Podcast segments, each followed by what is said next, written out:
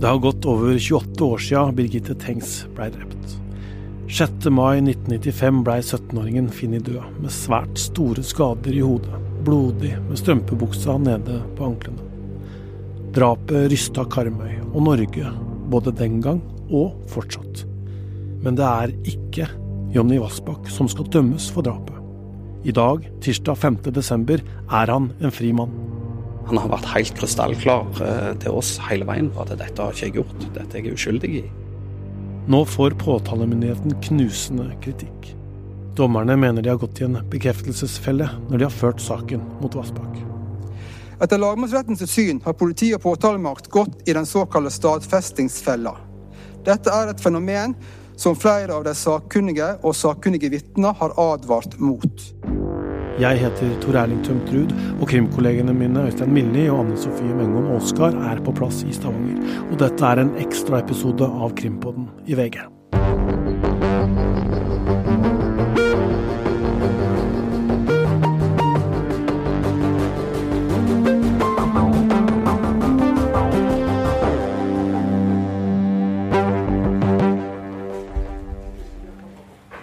Vi begynner fra morgenen av. Klokka nærmer seg ti. Gulating lagmannsrett, denne salen med trepanel på veggene, vrimler av journalister i Stavanger. Forsvarerne kommer også etter flere intervjuer på vei inn. Aktoratet, altså de fra påtalemyndigheten, sitter på motsatt side av dem. Idet klokka er ti, akkurat, tar to menn i svarte kapper plass i midten av fem sivilt kledde menn og kvinner i ulik alder. Det som skal skje nå, kan vi se for oss er noen av de mest skjebnesvangre og nervepirrende timene Jonny Vassbakk har stått overfor noen gang. Han eh, har det tøft. Han har hatt en nervepirrende ventetid. Uh, dette er finalen på to lange og tunge år for han, så, uh, så han har det tøft. I mange uker har dommerne i Gulating lagmannsrett sittet og diskutert alt som har blitt sagt i rettssaken tidligere i høst. Om DNA, beviser som finnes, beviser som mangler, om oversmitte, om kjøringa til Vassbakk, og at uh, ingen egentlig veit hva som skjedde da Birgitte Tengs forlot Kopervik sentrum i mai 1995. Opplesinga av dommen tar godt over to timer, og litt etter litt blir det sådd mer og mer tvil om DNA-beviset som er lagt fram. Så skjer dette. Domslutning 1. Jonny Vassbakk, født 7.10.1970, ble frifunnet for straffekravet. Punkt 2. Jonny Vassbakk ble frifunnet for oppreisningskravet. Vær så god, sitt. Jonny Vassbakk sitter skjult for dem som sitter i rettssalen, men han hører etter like bak en døråpning. Når han får konklusjonen, bryter han ut i en gråt av lettelse, ifølge forsvarerne. Kollega Anne Sofie Mengon Aasgard ble igjen med forsvarer Stian Bråstein inne i rettssalen, og spurte han først hvordan det var da forsvarerne forsto at de gikk mot en frifinnelse. Hvordan var det når dere satt der og Først så meldte jo Dagbladet, men etter hvert så skjønte man jo også på rettens vurdering hvilken vei dette kom til å gå. Altså Hvordan var det da dere innså at dette gikk mot en frifinnelse? Det, det, visste vi jo ville være en enorm lettelse for vår klient. Det, det er jo det han har gått og håpa på i, ja, helt siden han ble pågrepet. Eh, det er det han har bedt om vår hjelp til å, å, å få til å skje. Eh, han har vært helt krystallklar eh, til oss hele veien på at dette har ikke jeg gjort, dette er jeg uskyldig i. Så Sånn sett så, så var jo det Vi skjønte jo det kom gode nyheter på, på på et eller annet tidspunkt for han. Vi er jo litt nerdete sånn. Vi sitter jo og hører etter på begrunnelsen for å høre hvilke av våre argumenter retten har vært enig i. og, og um, eh, jeg vet, jeg sa, jeg ble intervjua av Krimpodden en gang tidligere, og så sa jeg noe om på en måte hva som betydde noe for tolking av et DNA-bevis. Og det finner du Det redder vi jo, gjorde vi jo for til lagmannsretten òg, og det finner du igjen i i, eh, i lagmannsrettens eh, eh, domsgrunner til de grader. Så vi, vi, opplever jo å ha blitt hørt på det aller meste av det vi har, har, har sagt i denne saken. Det var kraftig kritikk av påtalemyndigheten. Eh, bekreftelsesfelle, spekulasjoner. Eh, dommeren eh, sa at det at påtalemyndigheten kunne bruke de nye DNA-funnene som en styrking av saken, var overraskende. Så hvordan var det å høre på den kritikken? Nei, det er jo Jeg er uenig i kritikken. Altså, jeg Vi, vi redegjorde selv i prosedyren for bekreftelsesfelle som vi mener påtalemyndigheten har gått i. Eh, vi har jo eh, redegjort i, både i media og i retten for eh, at vi har et helt annet syn på de nye undersøkelsene enn eh, det påtalemyndigheten har. Eh, og det skapte litt furore, husker jeg, i Haugesund når jeg i innledningsforedraget sa at påtalemyndighetens tolkning av det ene sporet av 12F eh, kom til å stå igjen som en spekulasjon. Når jeg sa det, så tenkte jeg eh, at det ville gjøre det når vi, når vi var ferdige med saken i Haugesund. Eh, tingretten vurderte dette annerledes, men jeg registrerer jo at lagmannsretten sjøl eh, bruker det uttrykket gjentatte ganger i dommen nå. Så, så, vi opplever jo å ha nådd fram med våre argumenter fullt ut. og og, og, i dels ligger det jo at, eh, at de støtter rettens kritikk av påtalemyndigheten. Og så, og så har jeg lyst til å, å, si at eh, vi, på tross av eh, faglig uenighet, så har vi hatt et ryddig og godt inntrykk av politi og påtalemyndighets arbeid i saken. Vi har hatt et ryddig og godt samarbeid, selv om vi har vært brutalt uenige. Men et totalt forskjellig resultat denne gangen. Hva sier det om rettssystemet vi har? Vårt utgangspunkt har vært at, eh, at uh, Vassmark har rett til en overprøving av tingrettens dom, en kvalitetssikring av innholdet. Uh, og om noe så viser det jo hvor viktig at den, den anledningen er tilgjengelig. Og for å, å, bli litt politiske, så er den fratatt ganske mange med dagens straffeprosesslov. Det er kun i i, ja, ikke, ikke, engang i de mest alvorlige sakene er man garantert den muligheten. Så, så, men det viser hvor viktig det er. Han ble ganske beveget, eh, begravde hendene i ansiktet og begynte å gråte da han eh, kom fram og fikk denne beskjeden. Eh, hvordan var det å se på? Nei, det var vel for så vidt som forventa. Vi, vi, vi, har jo hatt tett kontakt med han, og vi vet jo at han har hatt en enorm spenning i kroppen. Eh, vi vet at det, det, har vært en enorm belastning for han å bli først anklaget og så dømt for noe som han, eh, som han, eh, som han sier han er helt uskyldig i. Det har vært en kjempebelastning for han å få livet sitt og, og, og, og, vanskelige ting i livet sitt bretta ut eh, for hele Norges befolkning med navn og bilde. Så det at, eh, at, det, at det ville komme, at det var en, en, en, en, sånn reaksjon av lettelse, det var ikke spesielt overraskende for oss, for så vidt. Nå blir det julefeiring for han eh, i frihet eh, hjemme. Hva, hva vet du om hva han skal? Nei, det vet jeg ikke. Jeg vet han, eh, han har hatt ei, der det er ei dame som han setter enormt stor pris på, som har passet på hundene hans de siste eh, to og et halvt åra. Eh, og det vet jeg eh, han gleder seg voldsomt til å, å treffe de igjen. Jeg snakket med bistandsadvokaten, foreldrene til Birgitte Tengs. For dem så står de jo nå helt uten svar og, og på en måte på stedet hvil. Altså, hva tenker mm. dere om det? Det tenker jeg er en helt forferdelig tragedie. En tragedie som starta i mai 1995, når Birgitte ble drept, og som, som for de eh, ser ut til å være uten ende. Eh, jeg mener resultatet i denne saken er helt riktig, eh, men, men jeg, eh, jeg, har ingen problem med både å forstå og ha medfølelse med foreldrene som, som så gjerne skulle ønske at de eh, på en måte bare fikk servert et svar. Den frifinnende dommen er på over 40 sider, og tok som sagt over to timer å lese opp. Vi skal gå enda nøyere gjennom hele dommen i episoden vår på torsdag, men vi kan allerede nå høre litt hva dommer Jale Golden Smørdal la vekt på i retten i dag. Først om DNA-beviset, som har vært kronbeviset til påtalemyndigheten. Ut fra DNA-funnene i seg sjøl kan det som konkludert med punkt 5-6 ikke legges til grunn som bevis at tiltalte har vært i direkte kontakt med området like nedenfor linninga der A12F ble sikra, men at denne flekken kan ha smitta fra låret. Det ligger ikke føre andre bevis som gir grunn til å tolke DNA-funnet på en annen måte enn at slik oversmitte kan ha skjedd. Verken modus eller at tiltalte var alene i bil, kan ha noe å si for om DNA ble sett av på låret eller ved linninga. Så lenge det ikke ligger føre noen forklaring eller andre bevis, må retten da bygge på at tiltalte sitt DNA først har kommet på låret til Birgitte, uansett hva en måtte mene om modus og manglende truverd. Det at DNA kan påvises lenge på strømpebuksa, betyr også at en direkte eller indirekte kontakt kan ha skjedd lenge før 5. mai 1995. Og vi vet ingenting om når strømpebuksa ble kjøpt, hvor ofte den ble brukt, og når den ble vaska. Det kan være vanskelig nok å gjøre greie for slike mulige overføringssituasjoner siste timen, og da bortimot umulig å finne ut av dette 28 år etterpå.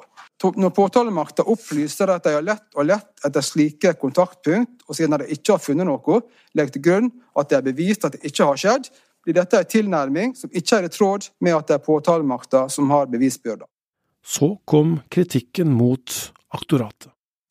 Etter rettens syn har politi og påtalemakt sin tilnærming under etterforskninga heller ikke hatt preg av at, av at en har hatt ønske eller venta å finne slike kontaktpunkt, men heller å få stadfesta at det ikke har vært slike situasjoner som gjør direkte eller indirekte overføring mulig. Når tiltalte sier at han husker en haiketur som kunne være Birgitte, blir dette mistenkeliggjort som tilpassing. Påtalemakta sin hypotese om at gjerningspersonen har avsatt A12F med, med Birgitte sitt blod på sin finger, var en spekulasjon og overdriven tru på hva, hadde, på hva funnet kunne bevise, også før det kom nye DNA-resultat fra andre deler av strømpebuksa i september 2023. Til gunst for tiltalte kan en spekulere. Etter rettens syn har politiet påtalemakta og retten til og med plikt til å spekulere til gunst for tiltalte. Om man ikke kan se vekk fra at en slik spekulasjon kan være rett, må en legge spekulasjonen til grunn. Derimot kan en ikke legge til grunn som bevist det som er spekulasjoner som vil være, som vil være ugunstig for tiltalte.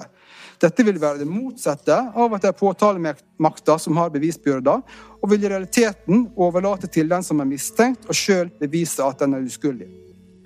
De nye DNA-prøvene som ble lagt fram i retten i høst, har ikke vært styrkende for påtalemyndighetens sak, sa dommer Golten Smørdal. DNA-funnet kan dermed ikke være noe fellende bevis i saka. At noe er mulig, er ikke det samme som at noe er bevist, gjentok han flere ganger. Etter lagmannsrettens syn har politi og påtalemakt gått i den såkalte stadfestingsfella. Dette er et fenomen som flere av de sakkunnige og sakkunnige vitner har advart mot. DNA-funnet har blitt oppfatta som så objektivt og så gjerningsrelevant at det etter mars 2019 har vært definerende for hele etterforskninga. For da av var det ikke lenger en objektiv tilnærming, men alle andre bevis var tolka for å passe med det som da var en hypotese om at tiltalte hadde tatt med Birgitte i bilen etter at hun gikk fra gågata i Kopervik, og at det underveis på turen skal ha skjedd noe som gjorde at tiltalte utøvde vold og drap Birgitte. At noe kan ha skjedd på denne måten, betyr som lagmannsretten flere ganger har nevnt, ikke at det er bevist. Men for å oppnå slikt bevis blir beviset A12F overtolka til å være avsett med en blodig finger, og dermed være mer gjerningsrelevant. Alt som ikke passer, blir definert vekk som dømes de fremmede håra på Birgitte, som blir omtalt som flyktige og ikke kan bevise noe som helst. To meddommere mente likevel at dommen burde vært en annen. Mindretallet fikk likevel for sin del ingen annen rimelig grunn til at det var DNA for tiltalte på strømmebuksa, enn at det var tiltalte som er gjerningsperson. Ved denne vurderinga legger mindretallet stor vekt på tiltalte sitt modus. Mindretallet finner det ikke avgjørende at det også var funnet DNA fra andre menn på strømpebuksa og hår fra ukjente personer. Og Dommen er da avsagt med slik dissens som det er gjort greie for over. Påtalemyndigheten fikk, som vi nå har hørt, kraftig refs i retten i dag. Dette kjenner ikke statsadvokat Tale Tomseth seg igjen i, sier hun når hun snakker med VG og flere andre medier etter at dommen er avsagt. Det er Nettavisen sin journalist som stiller de første spørsmålene her. Ja, hva, eh, hva, muligheter mener dere dere har da, med dette utfallet? Det går jo an å anke. Eh, det er Riksadvokaten som har ankekompetansen, så det må jo selvfølgelig vurderes. Men som eh, det òg ble sagt under domsavsigelsen, så er det jo kun spørsmål om saksbehandlingsfeil og lovanvendelse det da er aktuelt å anke på. Og hva, hva gjorde dere for å prøve å unngå å komme inn i nettopp denne bekreftelsesfellen som dere får kritikk for, sett hen til historikken i denne saken med Fetland f.eks.? Vi har brukt mye tid under etterforskningen på å lete etter eh, mulige feilkilder når det gjelder både kontaminering og oversmitte. Og nå sier lagmannsretten hører med at de er uenig i at vi har gjort det. Så kanskje kom ikke det klart nok frem under, eh, under eh, iretteføringen. Eller så har de en annen vurdering av det enn oss. De mener jo òg at hans historikk, altså straffehistorikk, som dere brukte mye tid på altså for å bygge modus, ikke var tilstrekkelig heller, eller hadde noe å si på saken. Hva er din kommentar til den delen? Ja, Det er vi jo enig i. Det sa jo òg lagmannsretten flere ganger i dag. At alle, alle sammen, både partene og, eh, og, lagmannsretten, mener at det kun er DNA som kunne ha domfelt i denne saken. Men dere brukte mye tid på den modusdelen? Ja, og som lagmannsretten var inne på, så er jo det også en relevant straffehistorikk. er jo også relevant i, i, eh, i denne bevisførselen. Men så er det jo spørsmål om hvordan man skal vektlegge det. Noen spørsmål fra VG her. Det ble brukt ord som spekulasjoner og bekreftelsesfelle når man beskrev påtalemyndighetens arbeid med denne saken. Hvordan reagerer du på det? Ja, det kjenner vi oss, som jeg nevnte, ikke igjen i. Så får vi gå gjennom eh, denne dommen nøye og se nærmere på hvilke vurderinger de har gjort. Så må dere òg huske at eh, her har retten delt seg i et flertall og et mindretall. Eh, mindretallet mente jo at det var nok bevis til domfellelse. Sånn er systemet. Han er å anse som en frifunnet mann i dag. Men denne dissensen viser jo at dette er vanskelige vurderinger. Og så har vi jo òg en enstemmig dom fra tingretten som òg viser at eh, etter mitt skjønn at det var riktig å ta ut tiltale i denne saken. Men nå er det lagmannsrettens dom som gjelder. Hvordan tolket du kritikken? Som kritikk. De mener jo at dette ikke er godt nok. Mm. Men Tolker du det som at dere har gjort en for dårlig jobb? Som jeg nevnte i sted, så eh, mener jeg at eh, påtalemyndigheten har gjort grundige vurderinger i forkant. En enstemmig dom fra tingretten tilsier jo at det var riktige vurderinger som ble gjort. Og så mener lagmannsretten noe annet, og det må vi bare konstatere. Så må vi òg huske at eh, beviskravet i straffesaker er svært strengt. Øystein Millen, nå har vi fått til oss litt mat og funnet oss en eh, krok, eh, stille krok innpå en kafé. Satt oss i en sofa som ser ut som noe som min oldemor kunne hatt hjemme hos seg. Altså, for en dag. Eh, var det dette resultatet du så for deg eh, da du gikk inn eh, på tinghuset i Stavanger i dag?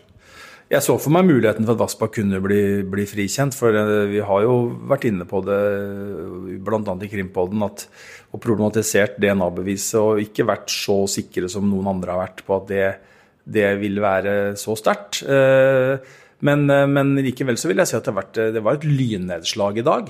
Eh, og det tenker jeg mest i forhold til påtalemyndigheten, som eh, har eh, gått i retten og fått en dom. Og nå får en frifinnelse i denne svært betente saken, hvor vi vet at det har vært et bakteppe, eller er et bakteppe med en politiskandale tilbake til 90-tallet, da fetteren ble uskyldig anklaga og dømt. Det trodde man jo skulle være et tilbakelagt kapittel, og at vi i 2023 ikke skulle høre at en lagmannsrett bruker de filleristende uttrykkene om påtalemyndigheten som vi faktisk hørte. Altså eh, bortforklaringer, tilpasninger, spekulativt, eh, bekreftelsesfeller. Altså Dette er jo ord som vi har hørt om 90-tallets straffesaker med liksom veldig negativ fortegn. Nå fikk vi det servert fra eh, to fagdommere i, i lagmannsretten her. Og det de karakteriserte, det var ikke en etterforskning fra 90-tallet, men det var en etterforskning som er utført i 2019, 2020, 2021, 2022. Også Tale Tomseth sa til oss journalister etterpå at eh, det var uvanlig at eh, dommeren eh, er så krass i kritikken mot påtalemyndigheten. Har du vært borti noe lignende? Aldri.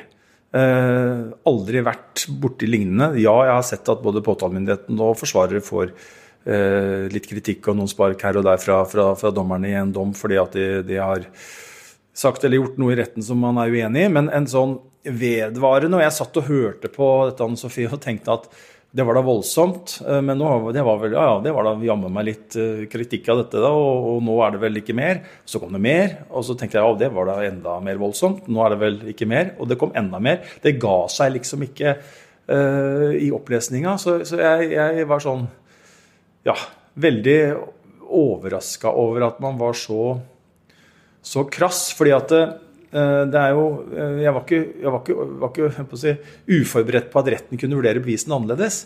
Men jeg tenkte mer at man skulle ha en mer sånn eh, nøytral tilnærming til det. Hvor man sier at påtalemyndigheten har anført sånn og sånn og sånn. Retten er ikke enig i dette, men mener at man må se mer sånn og sånn og sånn. Altså en mer sånn mild avveining. Som man fortsatt er uenig i, men som er mer vanlig. Men her var det liksom en sånn det var, en, det var en nedsabling da, av påtalemyndigheten og påtalemyndighetens tilnærming i saken som jeg aldri har vært borti før. Det har vært eh, en lang sak, mange bevis, og forsvarerne har lagt ned en god jobb. Og vi har jo i Krimpodden også i forbindelse med tingrettsbehandlinga eh, drøfta dette DNA-beviset i en kritisk kontekst. Og det, spørsmålet var om man kunne utelukke så sikkert som man må for å dømme noen, at det DNA-materialet fra Vassbakk hadde havna på strømpebuksa på noe annet vis enn at han hadde drept Birgitte Tengs. Det, eh, det var jo utgangspunktet. Eh, og så begynte jo dagen eh, med ganske skal vi kalle det smått dramatisk, eller i hvert fall overraskende, at det var en 5-2 i retten. Det skjer jo, det, men ofte er det enstemmighet om skyldspørsmålet. Og hvis man har skilt seg, så kan det kanskje oftere være i forhold til straffeutmålinga. Eh, men vi skjønte jo at her var det uenighet fra start av. Eh, og så var det jo en eh, opplesning, og etter hvert så skjønte vi jo hvor dette var. Det at Vassbakk ble frikjent, det, det, det er jo overraskende i den forstand at han ble dømt så klinkende klart i tingretten. Og at påtalemyndigheten har vært så klare på at de har rett mann på tiltalebenken. Samtidig så er det jo bra å se at lagmannsretten da gjør det som enkelte kritiserer rettsvesenet for ikke å gjøre. da, Begynne med, start, blanke med, starte med blanke ark og, og, og ja, betrakte den tiltalte som uskyldig, selv om man både er tiltalt og har vært dømt i tingretten. Men det som overraska aller, aller mest, det var jo den filleristinga som retten utsatte politiet og, og særlig påtalemyndigheten for. Eh, at det ble brukt ord som bekreftelsesfelle, spekulativt, eh, til, tilpasning og at man hadde eh, ja, nærmest konstruert en sak hvor man så bort fra tvilen som skulle kommet Vassbakk til gode, og bare dyrka de momentene som kunne lede mot en dom. Eh, det er, det er kraftig kost for påtalemyndigheten, og det er alvorlig på å si, kost for påtalemyndigheten, fordi at den skal jo være objektiv. Den skal, en forsvarer kan jo legge vekt på det man vil, og på en måte shoppe litt mer. Men påtalemyndigheten har jo på å si, Eh, hele misjonen til eh, påtalemyndigheten er jo å være objektiv. Og de skal eh, også se på det som kan være frifinnende. Og det var jo retten veldig klare på at de ikke har gjort, og det var overraskende. Når du sier 5-2, denne uenigheten, det er det man kaller dissens. Si litt om hva det betyr. Ja, det er dissens. Og, og nå er det jo sånn at for noen år siden så ville jo denne saken gått for en jury. Den ordningen ble avskaffa med Eirik Jensens siste sak. Eh, eller en, Jensens, en, av Jensens nest siste saken til Jensen. Det ble en siste jurysaken. Sånn er det. For der ble det jo en uenighet eh, mellom juryen og fagdommerne. Fagdommerne kunne sette kjennelsen til side hvis de var veldig uenige, og det var de. For Jensen ble jo kjent skyldig for korrupsjon, og så ble han frikjent for uh, narkotikainnførsler, medvirkning til det. Eh, og, men da visste man at juryordningen var på vei ut. og Problemet med den har jo vært at man ikke får en begrunnelse. Man eh, blir dømt eh, ja eller nei, håndsopprekning nærmest, i et lukket rom. Og ingen vet stemmetall, og ingen vet begrunnelse. Det har jo vært et sånn rettsmessig problemstilling og et, en akilleshæl for, for, norsk rettsvesen i, i årevis. Og så kom jo den nye ordningen som da er en det er da en, en, meddomsrett hvor det er fem meddommere og to fagdommere i denne saken vi sitter i nå, som utgjør lagmannsretten. Og så er det noen regler for hvor mange som Det er ulike regler i forhold til hvor fagdommerne plasserer seg når det gjelder det med å frifinne. Vi skal ikke ta de nå, eh, men man har noen litt ulike regler der. Eh, men, men eh, så lenge det er fem som stemmer for å frifinne, så, så blir det jo det. Og så var det jo to dommere, og da var det interessant bare for å si det først, det er interessant å se at begge fagdommerne stilte seg på den samme samme flertallet siden. Ja, flertallet de var for at han skulle frikjennes. For blant jurister så er det ofte sånn at man tenker at meddommere kan være litt sånn uh, ja, uforutsigbare. Uh, at man kan uh, oppleve at folk tolker ting litt annerledes enn de proffe som som sitter i retten på sin dag hver dag. Og så er samtidig det en del av grunnprinsippet i rettssystemet vårt, at nettopp det er legmannsprinsippet. det er kvinner og menn som skal ha flertallet, og det er derfor vanlige kvinner og menn, og det er derfor det er fem vanlige kvinner og menn og to fagdommere, for ikke de fagdommerne skal få for mye å si. Men her var det jo da fagdommerne som gikk sammen med tre meddommere og gikk for at Vassbakk var uh, uskyldig. Mens uh, det var to meddommere som, som var enige med tingrettens dom og slo fast at de mente Vassbakk skulle vært dømt. Men at påtalemyndigheten tar en såpass alvorlig sak til retten og ikke vinner fram i lagmannsretten, hvor alvorlig er det for tilliten til maktapparatet og påtalemyndigheten? Nei, Det er alvorlig generelt sett. Og er det et tidspunkt man eh, nok ikke skulle ønske seg en sånn sak, så er det jo nå. Etter Baneheia-skandalen, som jo ikke er avslutta. Uh, Viggo Kristiansen ble jo uh, frikjent og fikk en beklagelse i, i 2020, på slutten av 2022, uh, 20, ja, inn i 2023. Og nå ligger jo en gjenåpningsbegjæring Eller man vurderer jo tiltalebeslutning mot Jan Helge Andersen mens vi sitter her. Den ventet når som helst, faktisk. Eh, og så har man jo og da, så, så Påtalemyndigheten og politiet, tilliten er jo allerede svekket. Og så har man jo tenkt at dette hører 90-tallet til. Eh, og denne saken her er jo også en del av det grunnlaget for hvorfor eh, tilliten er svekka. Den, men den, det er viktig å si at det er den delen av den saken her som hører 90-tallet til, som er, er problemet i anførselstegn, og sett på som problemet, eller som er en skandale. Uh, og det kjenner vi til, skal ikke gå inn på det nå, men det er jo avhørende av fetteren og manipulering og forferdelige greier som, som han ble utsatt for, og som var et uh, overgrep som, uh, som, har kanskje også kosta denne saken dyrt i forhold til å kunne få en løsning, når vi nå sitter her i dag og vet at det ikke ble en løsning, ikke ble en dom, og nå står den saken uløst. Men det som jo er si, problemet for påtalemyndigheten og politiet, er jo at Eh, det som man skulle, Nå skulle man rette opp. ikke sant? Nå er det 2022 eller 2021 hvor man begynte å etterforske den saken åpent. Man begynte jo, Sikta vel Vassbakk tilbake i 2019 allerede. Eh, begynte å rette etterforskningen mot han. Brukte alle verktøy i verktøykassa. Man brukte overvåkning, man brukte undercover-agenter. eh, i et lukka periode. Man hadde avhør av ham. og det hadde, ja, Alt er gjort som man kan gjøre. Nye analyser av DNA tekniske bevis. Og så ender det da opp med at, eh, at politi og påtalemyndighet blir fillerista av retten og har vært ja, på å si partiske og ikke objektive. Og det er klart, det er Én ting er at man har fått en frifinnelse. Eh, som på en måte Det ville vært kanskje ille nok fordi at denne saken er så betent, og fordi at man Jeg har sagt det før, og jeg kan gjenta det, at man har ikke råd til å trå feil i denne saken. Det har man jo aldri, men, men jeg mener at det blir utad, da, tillitsmessig, så blir det enda verre når man har en sak som har en så forferdelig historie som det fetteren har blitt utsatt for i, sin tid. Uh, og da er det liksom ikke rom for å feile. Og så gjør man det i den forstand at man har tatt ut en tiltalebeslutning og ført en sak for retten hvor flertallet, det klare flertallet ikke er enig med påtalemyndigheten. Og det er ille i seg sjøl. Men så har det jo på toppen, som vi snakka om, Anne Sofia, det er, jo, det er jo dette med denne kritikken av at uh, Det er kanskje nå skulle jeg gjerne hatt, vært flue på veggen i noen eh, kontorer og noen møter som, og noen telefonsamtaler som går i påtalemyndigheten mens vi sikkert sitter her. Men jeg vil jo tro at det kan smerte like mye. Eh, at den kritikken eh, liksom, For det går på fag, og det går på det går på liksom hvordan du utøver jobben din som, påtale, som en del av påtalemyndigheten. Både aktoratet og ja, Riksadvokaten rammes jo av det, statsadvokatene, politiadvokaten og for så vidt også politiet. og Det er klart at det, det er alvorlig. Og, og, tilliten blir jo svekka av det her, det er ikke tvil om det. Men hva betyr denne dommen for rettssikkerheten i Norge, da? Nei, det er jo ikke tvil om at uh, tvilen har jo kommet tiltalte til gode. Uh, og, og, det som jeg syns også er interessant, er jo at man har jo et uh, man har jo, Selv om dette DNA-beviset er et, en, en, bærebjelke i denne tiltalebeslutningen og også dommen i tingretten, så er det jo også en sånn støttebevis. Det er en sånn samla bevisvurdering. Og det er klart, Det som kan bli en diskusjon fremover, er jo hvordan skal man forholde seg til sånne samla bevisbilder.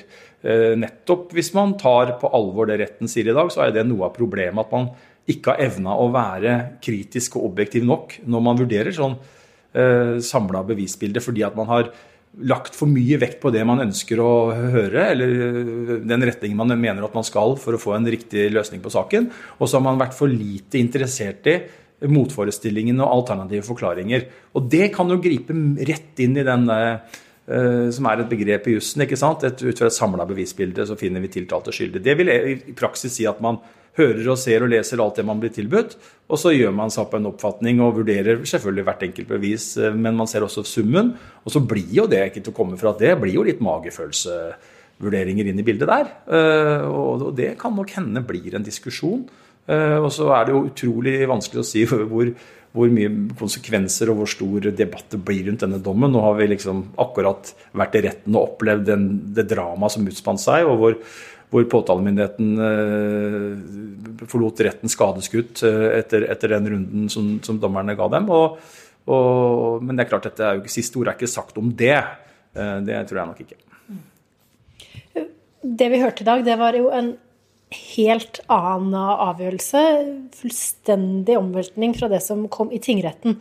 Hva er forskjellen denne gangen? Altså, hva var det som skjedde i denne runden som gjør at man har landet på det resultatet man gjorde? Eh, det er vurdering av DNA-beviset. Eh, først og fremst så de flertallet i retten i dag de ser det som mer sannsynlig at DNA fra Vassbakk For det, det er man enige om at det er hans DNA-materiale. Men de holder åpningen for at det kan ha kommet via si, De sa kanskje ikke det i, i, i eh, dom, dommen, men altså sånn type at du kan ha tatt på samme dørhåndtak, og hun har tatt seg på strømpebuksa. Ehm, at du kan ha sittet på med han, var vel nevnt, og at du kan ha tatt henne på låret. De trekker frem en del sånne mulige scenarioer som ikke de vil utelukke. Og så eh, er det i tillegg dette med at det har dukka opp nye eh, spor. I den analysen man har gjort nå, så er det jo treff og spor, DNA-spor fra andre menn eh, på strømpebuksa, som jo bidrar til å trekke retten i tvil. ikke sant? Altså, ja, Hvor sikre kan vi da være på at ikke dette har noe med drapene å gjøre? Hvorfor kan vi da være så sikre på at akkurat Vassbakk sitt har med det å gjøre? Ja, det var en blodflekk, og det var mest fra han. Men det fantes jo også andre innslag der. Ehm, og det er jo da tilbake igjen til dette med, med beviskravet. ikke sant? Altså, Tvilen skal komme tiltalte til gode. Og, og det kan jo tenke allerede der at man, når jeg sier det jeg sier nå, så kan man jo godt tenke som dommer at der er det tvil. Eh, og kanskje nok tvil. Eh, så, så, så det er liksom en det er en annen vurdering. Det er eh, ja, tilbake igjen til det med det samla bevisbildet. Liksom. Det er et annen, annen, vurdering og vekting av uh, hvor sikker du er på det. Hvor sikker er det på dette DNA-beviset på strømpebuksa i blodflekken? Uh, og Der er det da to dommere nå som er sannsynligvis omtrent like sikre som de som i ting, tingretten var. Og så er det fem dommere som er på andre sida. Uh, så det er jo bevisvurdering i praksis. Hva skjer videre for eh, Vassbakk nå? Han har jo nå krav på en eh, ganske stor erstatning. Eh, han har i hvert fall krav på en erstatning fra det offentlige for å ha blitt anklaga og sitte i varetekt. Han har jo sittet i fengsel i over to år etter at han ble pågrepet i september 2021. Og så får jo tida vise om Vassbakk går til sak mot noen av oss som har identifisert ham. Vi i VG er blant dem. Eh, og det er klart at eh, det er en belastning. Nå, nå er han frikjent. Han eh, skal betraktes som uskyldig. uansett hva folk mener og tror og tenker om denne saken. så er det en dom, og den dommen den må respekteres. Og det er et signal å sende til alle både i Norge, men også i lokalsamfunnet her, at det er et viktig del av rettsprinsippet vårt. At dommer, selv om noen skulle være uenig i det, så er dommer det er, det er Sånn er det. Og da har han krav på erstatning. Og, det er klart den belastninga som han har vært utsatt for fra politi og påtalemyndighet, uh, og, og, også tingretten, uh, skal han ha en erstatning for. Og så, som sagt, får vi se om er, han tenker at det er noen medier som han kommer til å kreve erstatning av. Vi snakka jo begge to med forsvarerne hans i, i retten i dag, og de si, og at dette kommer til å bli tema nå. Selv om i dag var det mye andre ting som, som står på, øverst på agendaen. Nå skulle han komme ut av fengselet, hente tinga sine. De skulle få han på plass i det huset hvor han bor, eller skal bo. Og det er klart at da, da blir dette nå skal de fordøye dette, her, tror jeg, og så blir det vel sikkert kanskje på nyåret at de begynner å, å kikke på erstatning.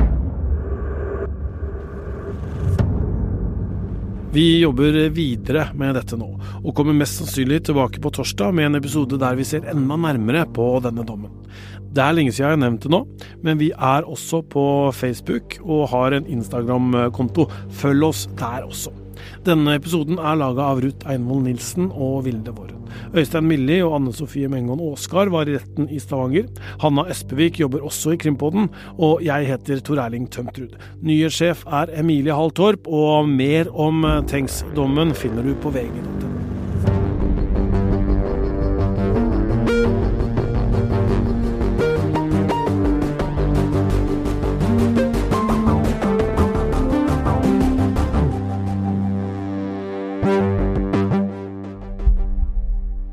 Du har hørt en podkast fra VG. Ansvarlig redaktør, Gard Steiro.